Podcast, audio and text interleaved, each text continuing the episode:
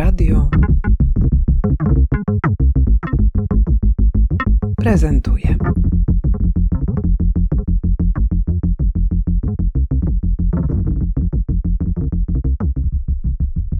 Nazywam się Zofia Rojek, jestem historyczką sztuki i kuratorką wystawy Niewidoczne Historie Warszawskich służących w Muzeum Warszawy. Ta wystawa ciekawie się kończy. Jesteśmy w ostatniej sali, e, w miejscu, w którym następuje przeniesienie nas do czasów współczesnych i ta refleksja dotycząca tego, jaką rolę dzisiaj odgrywają prace domowe, ma z nami zostać po wyjściu z tej wystawy. Dlaczego tak pani to zorganizowała? Taki był cel właśnie, bo to nie jest wystawa tylko i wyłącznie o służących, ale o pracy domowej wykonywanej według badań według statystyk głównie przez kobiety przez cały czas. I jest to praca, która jest pracą niewidoczną, tak jak tytuł wystawy, niedocenianą, pogardzaną. Uznaje się, że, że osoby, które zlecają prace domowe, stoją w pozycji moralnej wyższości wobec tych, które te prace domowe wykonują, ale też myśli się cały czas o pracy domowej jako takiej pracy, która nie wymaga żadnych kwalifikacji, przygotowania, która też dzieje się sama. I to wystawa nie tylko i wyłącznie o służących, które wykonywały prace domowe w międzywojennych y, domach bogatych mieszczan, bogatych albo średnio zamożnych mieszczan, ale też o pracy domowej, którą wykonujemy współcześnie i też o miejscu, jaki praca domowa zajmuje w naszym codziennym życiu. Według badań kobiety poświęcają na prace domowe 6 godzin dziennie, mężczyźni 3. A według badań, które dotyczą całego świata i kwestii związanych właśnie z pracą domową, e, nie tylko w Europie, nie tylko w Polsce, nie tylko w Warszawie, to okazuje się, że kobiety na nieodpłatną pracę domową poświęcają 12,5 miliarda godzin codziennie, a ich praca jest warta tyle, ile trzykrotność wartości całego systemu sektora przemysłu komunikacyjnego, przemysłu IT. To jest, to jest według e, raportu Oxfam, więc to są naprawdę ogromne godziny, znaczy wiele godzin spędzonych właśnie na, na tej pracy, która jest całkowicie nieodpłatna. Gdyby nie praca domowa, nie byłoby systemów społecznych, jakie znamy. Kapitalizm jest oparty na wyzysku darmowej pracy domowej kobiet. Tworzy swoje struktury właśnie w oparciu o to, że kobiety będą te prace wykonywać w ramach tak zwanych obowiązków rodzinnych, obowiązków domowych i będą to robić nieodpłatnie, dlatego że praca domową kojarzy się cały czas z miłością z bliskością, z intymnością, z tym, co jest właśnie, jak w tytule wystawy, niewidoczne. I dla mnie kwestia związana z tym, że sprzątanie jest uznawane za wyraz miłości, jest czymś, co tak naprawdę nie pozwala myśleć o pracy domowej jako pracy i pozwala myśleć tylko i wyłącznie o pracy domowej wykonywanej odpłatnie przez e, osoby zajmujące się tym zawodowo za, za pracę. Natomiast ta praca, która jest wykonywana nieodpłatnie w naszych domach, cały czas pozostanie w tej sferze. Tutaj w tej sali przywołuje Pani prace znaczące dla przemyśliwania roli kobiety w utrzymywaniu porządku, czy też kobiety, która jest no nie tylko pracownicą, ale właśnie wykonuje pewną czynność, dzięki której można funkcjonować w porządku czy w jakimś ładzie. Przecież mm. sprzątanie daje takie poczucie, prawda, że rzeczy idą tak, jak powinny iść. No tak.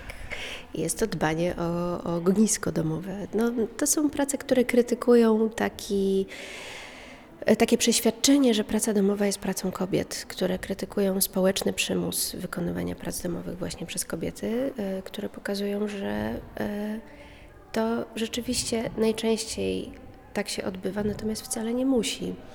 Każdy może podejmować indywidualne decyzje, natomiast społeczne przeświadczenie co do tego, że to kobiety są odpowiedzialne za czysty dom, które jest cały czas reprodukowane przez programy telewizyjne, przez reklamy, przez teksty różnych przemądrzałych publicystów, cały czas w naszej świadomości pokutuje i ta część wystawy ma pokazywać, że praca domowa jest pracą, która powinna być wyceniona i która nie musi być wykonywana tylko i wyłącznie przez kobiety i nie jest żadnym obowiązkiem wynikającym z podziału ról społecznych w rodzinie, tylko tylko może być wyborem i e, mężczyźni także mogą dokonywać tych wyborów i też mogą dbać o swoje własne otoczenie i mogą sprzątać. Tutaj stoimy koło zdjęcia z ubiegłego roku z protestów ulicznych. Wymawiamy służbę w domu i w pracy. Nad nami wisi obraz Jadwigi Sawickiej za darmo, ale to jest taka refleksja dojrzała tych lat, które no powiedzmy E, przyniosły kobietom samodzielność, emancypację, wyzwolenie się od stereotypów i możliwość zabierania głosu we własnej sprawie. Ale jeśli pójdziemy w głąb tej wystawy, właściwie pójdziemy tak jak e, ostatnio Muzeum Warszawy nakazuje, czyli wstecz, zobaczmy jak to było dawniej.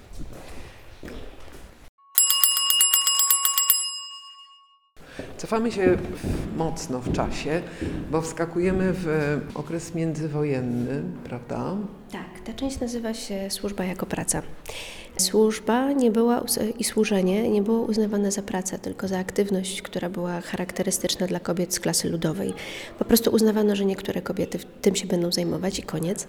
Natomiast nie uznawano tego za pełnoprawną pracę, co też e, miało wydźwięk w e, ustawach, które tworzono specjalnie dla służących. Nie obowiązywał ich, ich kodeks pracy, nie obowiązywała ich też nowoczesna ochrona prawna po 1918 roku, tylko ustawy, które były pisane przez osoby zatrudniające służbę domową i w obronie ich interesów. Jeżeli czytamy ustawy z dwudziestolecia, znaczy z końca XIX wieku, to tak naprawdę dowiadujemy się, co można zrobić, żeby uchronić się przed krnąbrnym albo krnąbrną służącą, ale niekoniecznie w jaki sposób zawalczyć o to, żeby mieć na przykład regulowany czas pracy.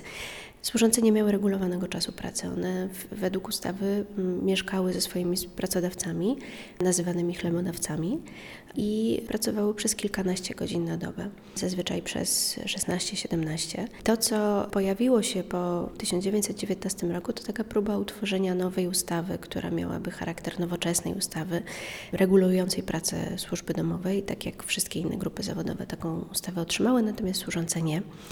Przepadła w bardzo długiej debacie sejmowej, która trwała kilka lat. W prasie pojawiały się informacje o tym, że nie można dawać praw garkotłukowi, a przecież służące są robotnicami w wiecznie czynnej maszynie, jaką jest gospodarstwo domowe i nie można regulować ich pracy do podbijania urzędniczej karty albo robotniczej karty, więc y, to pokazuje też, y, jak nie było żadnej woli ani społecznej, ani politycznej do tego, żeby jakkolwiek regulować pracę służących. W tej sali symbolem rodzącej się refleksji, że to nie jest naturalny bieg rzeczy, jest między innymi flaga proporczyk zawieszony tutaj pod sufitem. To jest sztandar PPS-u z demonstracji z początku XIX wieku, na którym e, widzimy napis Niech żyje 8-godzinny dzień roboczy PPS. Jest tu powieszony w tym kontekście, że służące po prostu nie miały nawet możliwości wywalczenia sobie 12-godzinnego czasu pracy, a co dopiero 8-godzinnego. Mm, Służące tworzyły związki zawodowe, to znaczy powstawały związki zawodowe, które były skierowane właśnie do służących. Niestety nie wiemy, jak wiele z nich do związków wstępowało. Organizacją, która robiła dla służących relatywnie dużo, był Kościół katolicki. Prowadził Polski Związek Zawodowy Chrześcijańskiej Służby Domowej, który funkcjonował przez e, kilkadziesiąt lat. Ten związek realizował także zapomogi na starość, pensjonaty, wydawał pismo. Natomiast też od e, służących bardzo dużo wymagał, a to czego wymagał, to chyba najłatwiej może, można opowiedzieć przez e, historię świętej Zyty, która była patronką służących. Święta Zyta w XIII wieku pracowała u rodziny tkaczy. Przez 40 lat bito ją, poniżano i traktowano w sposób naprawdę okrutny, a ona potem została świętą. I to jest właśnie to, czego Kościół wymagał od służących. To znaczy utrwalał system, w którym służące pozostawały nieme, w którym nie miały głosu, w którym musiały wykonywać wszystkie czynności dokładnie w taki sposób, jaki od nich wymagano i nie miały prawa oporu, bo czekało je życie wieczne. Gdzie teraz jesteśmy? E, Teraz jesteśmy w części poświęconej relacjom z pracodawcami. Oddzielnie mamy panów i oddzielnie panie. Dlaczego tak? Ze względu na różnice kulturowe i ze względu na różnice wynikające bezpośrednio z płci. No to najpierw chodźmy tutaj do pani. Dobrze, do pań. Panie zatrudniały służące, dlatego że organizacja życia domowego była wyłącznie domeną kobiet. Zajmowały się tym tylko kobiety. Zainteresowanie mężczyzn sprawami gospodarstwa domowego uznawano za śmieszne i niestosowne. Mm, Kobiety poszukiwały służących, wydawały im polecenia, wykonywały pracę, którą współcześnie moglibyśmy bardzo ogólnikowo nazwać menedżerską, to znaczy pracę zarządczą. Zajmowały się zarządzaniem codziennością kilkuosobowej rodziny, a musimy pamiętać, że prawa wyborcze wyborczyły dopiero w 1918 roku. Wcześniej były całkowicie zależne od swoich mężów i tak naprawdę bardzo sfrustrowane. Często całą swoją frustrację, jaką miały i poczucie władzy i sprawczości, wylewały właśnie na służące. Dzielił je od nich ogromny dystans klasowy, ogromny dystans, który wy, wynikał z kwestii związanych ze statusem społecznym bardzo swojego statusu broniły. I też właśnie przez to w prasie pojawia się dużo tekstów pisanych właśnie przez panie domu, które mają charakter no, głównie narzekania na służbę, ale też takiego protekcjonalnego traktowania służących. W jednym z listów e, podpisanym jako jedna z wielu pań domu, anonimowa czytelniczka kobiety w świecie i w domu pisze, że służące nigdy nie będą równe swoim paniom, chyba że w noszeniu pończoch jedwabnych, bo w niczym więcej. A także pisze, że równy człowiek nigdy nie usługiwałby innemu równemu człowiekowi i w tym sęk. Panie domu próbowały w jakikolwiek sposób też e, organizować swoją pracę i stworzyły kilka instytutów, które miały charakter e, naukowych, badawczych instytutów dotyczących prowadzenia gospodarstwa domowego. W domenie publicznej jest pismo, e, to bardzo zachęcam wszystkich do przeczytania, Organizacja Gospodarstwa Domowego. One było wydawane w końcu lat 20., na początku lat 30. w Warszawie i pojawiają się tam takie artykuły jak na przykład racjonalne podstawy prania albo przepisy na robienie konfitur, pisane przez chemika, który tłumaczył, ile cukru należy dodać, żeby konfitura była smaczna, albo jak myć okna. To są bardzo ciekawe i bardzo pouczające treści, dlatego że po prostu pokazują, że mimo tego, że kobiety funkcjonowały w bardzo konserwatywnym przeświadczeniu, że to jest ich praca, to jednak starały się ją modernizować i robiły to całkiem skutecznie. No właśnie, bo to jest okres modernizmu. Tutaj e, widzimy wspaniałą okładkę czasopisma Pani Domu. Widać, że to jest mocno poddane pewnym modom estetycznym tamtego okresu. Na wystawie prezentujemy plan domu z zaznaczoną służbówką. To jest y, piękna, modernistyczna willa w Rembertowie, e, która ma 2,20 na 1,45 m. Ja mam takie łóżko. Myślę, że też większość osób, no, dwuosobowe łóżka zazwyczaj właśnie mają tą wielkość. W tym kierunku zmierza cywilizacja, niestety, jak wskazują na to pewne trendy deweloperskie. Ale wchodzimy tutaj do pokoju, w którym poruszone są relacje z panem domu. Tak. I tu widać mm, koszulę nocną, kalesony, podwiązki, no i element kobiecej bielizny, czyli stanik. Stanik, różowy stanik. Ale oprócz bielizny e, pokazana jest także kurtka studenta Instytutu Politechnicznego z Warszawy i znalazła się tutaj nieprzypadkowo, dlatego że służące bardzo często były molestowane i gwałcone przez swoich pracodawców, ale także przez synów pracodawców. Pokazujemy tutaj także książkę e, pod tytułem Czego nie wiemy o naszych synach. Izabela Moszczeńska przeprowadziła badania dotyczące tego, jak wielu studentów e, warszawskich ma ze sobą inicjację seksualną. Badania były prowadzone na początku XX wieku.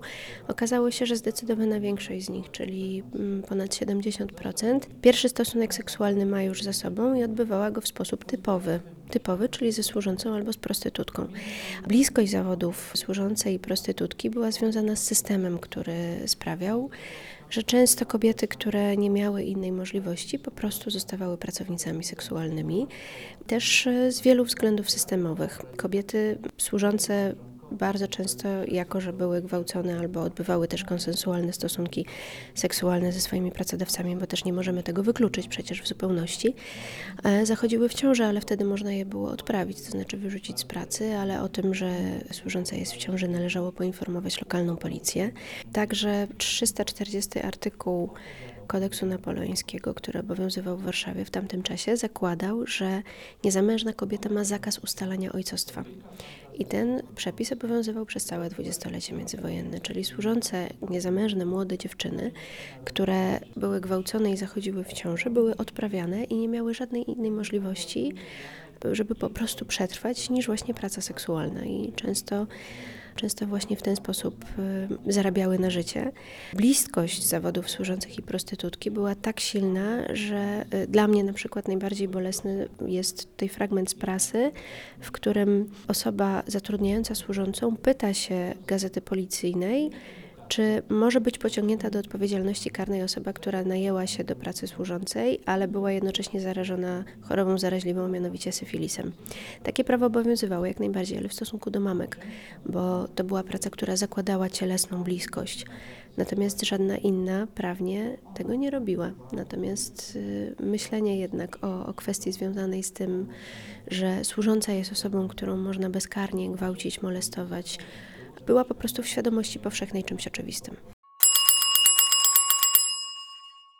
Historia, ludowa historia Polski, dzięki książkom, które się ukazały w poprzednich latach, nie tylko dzięki książce Adama Leszczyńskiego, ale też Hamstwu Kacpra Popłockiego i wielu innym publikacjom, które pokazują ukryte do tej pory wątki, których nie sposób ominąć, myśląc o przeszłości.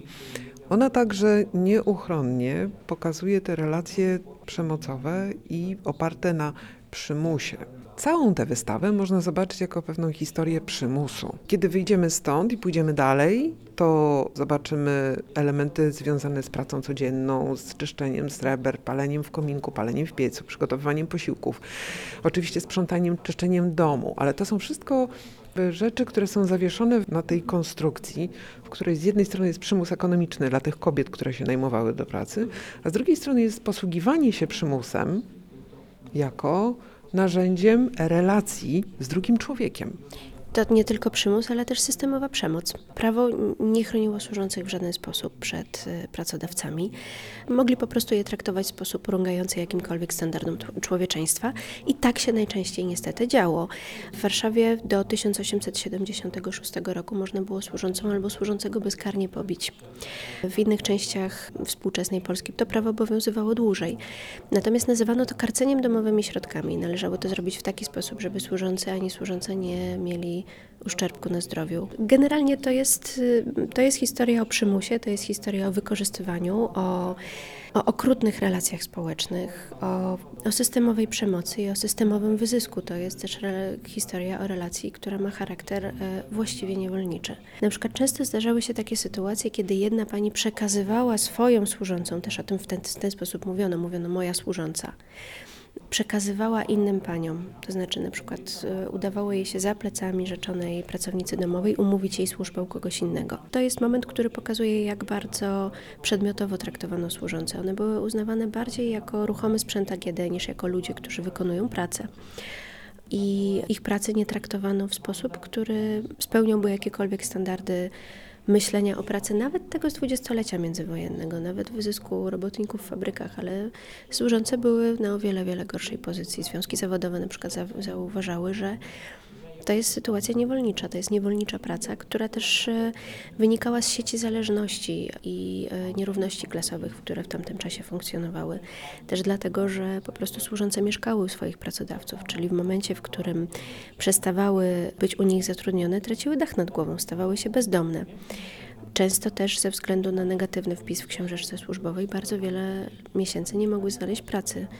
Więc y, była to sytuacja, która to był przymus w całości i też relacje związane z y, traktowaniem służących, takie systemowe relacje zapisywane między innymi właśnie w poradnikach dla służby domowej, zakładają, że służące musiały być na każde zawołanie swoich pracodawców. Miały określone rozkłady dnia, wykonywały określone polecenia, ale musiały być gotowe w każdej chwili do tego, żeby przyjąć kolejną dyspozycję. Nie miały żadnego życia prywatnego, ich życie było pracą.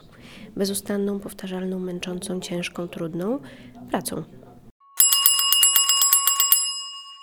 Poszukajmy jednak takiego wątku, który mógłby nas trochę pocieszyć. Pomyślałam sobie, że zapytam Panią o takie zmitologizowane także przez literaturę relacje służącej, która jest przyjaciółką, służącej, która wspiera e, swoją panią. Ale to są relacje, które mm, pokazane w literaturze przełamują stereotyp. I czy tutaj coś takiego znajdziemy na tej wystawie? Y, znajdziemy inną historię, znajdziemy historię miłosną, y, która jest potwierdzona i opowiedziana przez wnuka pary, czyli Juliana Borkowskiego, którego pradziadkowie poznali się w taki sposób, że prababcia służyła u rodziców pradziadka, zakochali się w sobie, mieli czwórkę dzieci, żyli długo i szczęśliwie. To jest, to jest historia prawdziwa, y, opowiedziana przez prawnuka, historia rodzinna powtarzana i bardzo bardzo pieczołowicie opisana, więc y, to, to jest jedna dobra historia. Natomiast jeżeli ja uważam, że y, do przyjaźni potrzeba równości. Obie strony muszą być wobec siebie na takiej samej pozycji. Natomiast w relacji pomiędzy służącym a panem, służącą a panią, tej równości nie ma, dlatego że zawsze jest tutaj stosunek służbowy i stosunek podległości. Dlatego moim zdaniem jestem bardzo cyniczna, być może dlatego, że przeczytałam dużo naprawdę wstrząsających historii, wstrząsających świadectw i nie uważam, żeby można było się zaprzyjaźnić e, głęboko z e, osobą, którą się zatrudnia. Dlatego, że znamy te, też te relacje zupełnie tylko i wyłącznie z jednej strony zazwyczaj ze względu na brak źródeł. Wiemy o tym, że na przykład bardzo dobrze traktowały swoje służące i traktowały je jako członków rodziny. Ale jak służące się w tej relacji czuły, tego nie wiemy. Jeżeli też dowiadujemy się o historii, że na przykład służąca była bardzo serdeczna, ciepła i dobra dla rodziny, to y, oczywiście była taka, ale czy dlatego, że była w pracy, czy dlatego, że rzeczywiście czuła się związana z rodziną? O tym też nic nie wiemy. Mamy kilka zachowanych świadectw służących. Te, które dotyczą Warszawy, z których korzystałam y, opracowując narrację tej wystawy, zakładają, że pracodawcy w dużej mierze byli po prostu skąpymi mieszczanami, którzy oszczędzali na wszystkim, na czym się tylko dało i traktowali służące w sposób urągający jakiejkolwiek godności. Józefa Witowska w książce zatytułowanej Ludzie i nieludzie napisała, że pierwszą dobrą służbę, jaką miała właśnie odbyła u państwa z Warszawy, dlatego też jak tylko nadarzyła się okazja, żeby do stolicy przyjechać, od razu to zrobiła. Państwo z Warszawy w momencie, w którym Józefa zachorowała, opiekowali się nią, nacierali ją zimną wodą, takie były zalecenia lekarskie, a także dawali dużo swobody w opiece nad e, dzieckiem, nad Cesią, czyli córką państwa. Natomiast byli to ludzie zamożni i wykształceni, którzy mieli też bardzo dobry stosunek do zwierząt domowych i też otaczali je ogromną opieką. Więc y, możemy zakładać, że sytuacje dobrego traktowania służących jak najbardziej się zdarzały. Ja też dostaję dużo miłych listów teraz po otwarciu wystawy. Wiele osób pisze do mnie, że na przykład wspominam bardzo dobrze panią, która pracowała u nich przez na przykład 30 albo 40 lat. Takie historie na pewno się zdarzały, bo y, no, świat nie jest tylko i wyłącznie okrutny. Chodźmy w takim razie, bo przejdziemy przez pokoje, w których zgromadzono ponad 400 obiektów. Pani pracując nad opracowaniem tych wszystkich treści e, przygotowała również publikację, e, która kontynuuje, rozwija wątki obecne tutaj na wystawie. Wystawa jest czynna dość długo, prawda? Bo tutaj w Tak. Muzeum Warszawy będzie można ją do, o, oglądać do 20 marca. W publikacji poszerzyliśmy wszystkie wątki, które pojawiły się na wystawie i do współpracy zaprosiłyśmy dziewięciu autorów i autorek, e, między innymi autorki świetnych książek o służących, czyli Joanny Kuciel-Fydryszek i Alicję Urbanik-Kopeć. Teksty napisały także Małgorzata Fidelis, Blanka Górecka, Agnieszka Dąbrowska, a także napisali Jacek Drozda i Kamil Fejfer oraz Michał Rauscher. I to są teksty, które dotyczą poszczególnych e, elementów tej wystawy, ale w popularno-naukowej formie wyjaśniają, tłumaczą, opisują i analizują zjawiska społeczne, które tutaj zostały przedstawione. Na koniec poproszę Panią o trudną rzecz. Gdyby musiałaby Pani tylko jednym eksponatem z tej bardzo naprawdę bogatej, rozbudowanej wystawy opowiedzieć tę historię, który z nich wybrałaby Pani? Dzwonek, z pewnością dzwonek, najchętniej elektryczny. Mm, Mamy go w e, sali poświęconej e, kwestiom związanym z zatrudnieniem. Natomiast mam wrażenie, że w tym dzwonku pojawia się praktycznie e, cały dyskurs związany z dwudziestoleciem międzywojennym, z modernizacją, ale też z kwestiami, które są niezwykle konserwatywne i po prostu jest to element, który jest takim wizualnym i, i te, też technicznym e, obiektem pokazującym historię podległości i przemocy. Dzwonki e, elektryczne na służbę to, były, e, to był wymysł z, z lat dwudziestych. Funkcjonowały w taki sposób, że tworzono odrębną instalację w mieszkaniu i w każdym z pokoi był jeden przycisk i osoba, która chciała wezwać służącą do siebie, naciskała ten przycisk i wtedy e, na takiej puszce, która znajdowała się albo przy służbówce, które pojawiały się niezwykle rzadko w warszawskich domach, albo przy kuchni, pojawiał się numer pokoju, do którego służąca była natychmiast wzywana. Więc e, wcześniej używano zwykłych dzwonków, takich stołowych, które znamy wszyscy doskonale. Natomiast ten dzwonek elektryczny to jest e, taki element, który został już całkowicie zapomniany. Współcześnie przecież nie zostawia się dzwonków elektrycznych nawet w rewitalizowanych kamienicach, a one pokazują, że służące musiały być na każde zawołanie swoich pracodawców, pokazują, że musiały być pod stałym nadzorem, ciągłą kontrolą i też e, ich życie było bezustanną pracą i gotowością do przyjęcia kolejnej dyspozycji. Więc ten dzwonek jest dla mnie szczególnie ważny. A też on opowiada o tym, w jaki sposób tworzymy historię, dlatego że znalezienie go w naszej kolekcji wymagało ode mnie bardzo dużo e, rozmów ze starszymi stażem pracownikami i, i bardzo dużo poszukiwań. Chodźmy do tego dzwonka.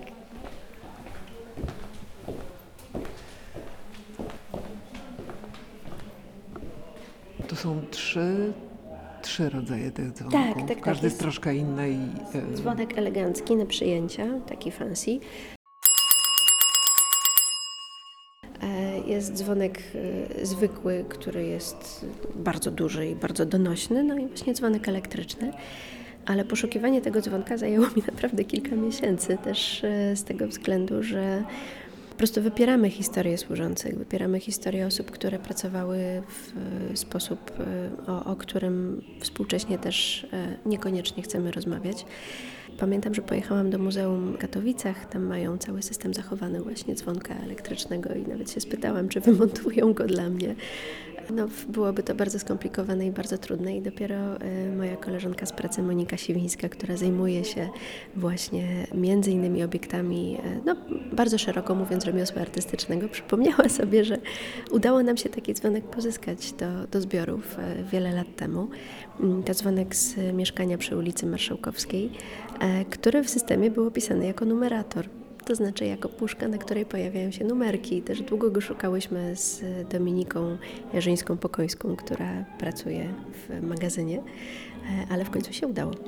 Super, bardzo Pani dziękuję za to krótkie uprowadzenie, a wszystkich zapraszamy do obejrzenia i doświadczenia tej wystawy w Muzeum Warszawy na rynku Starego Miasta. Dziękuję. Bardzo dziękuję.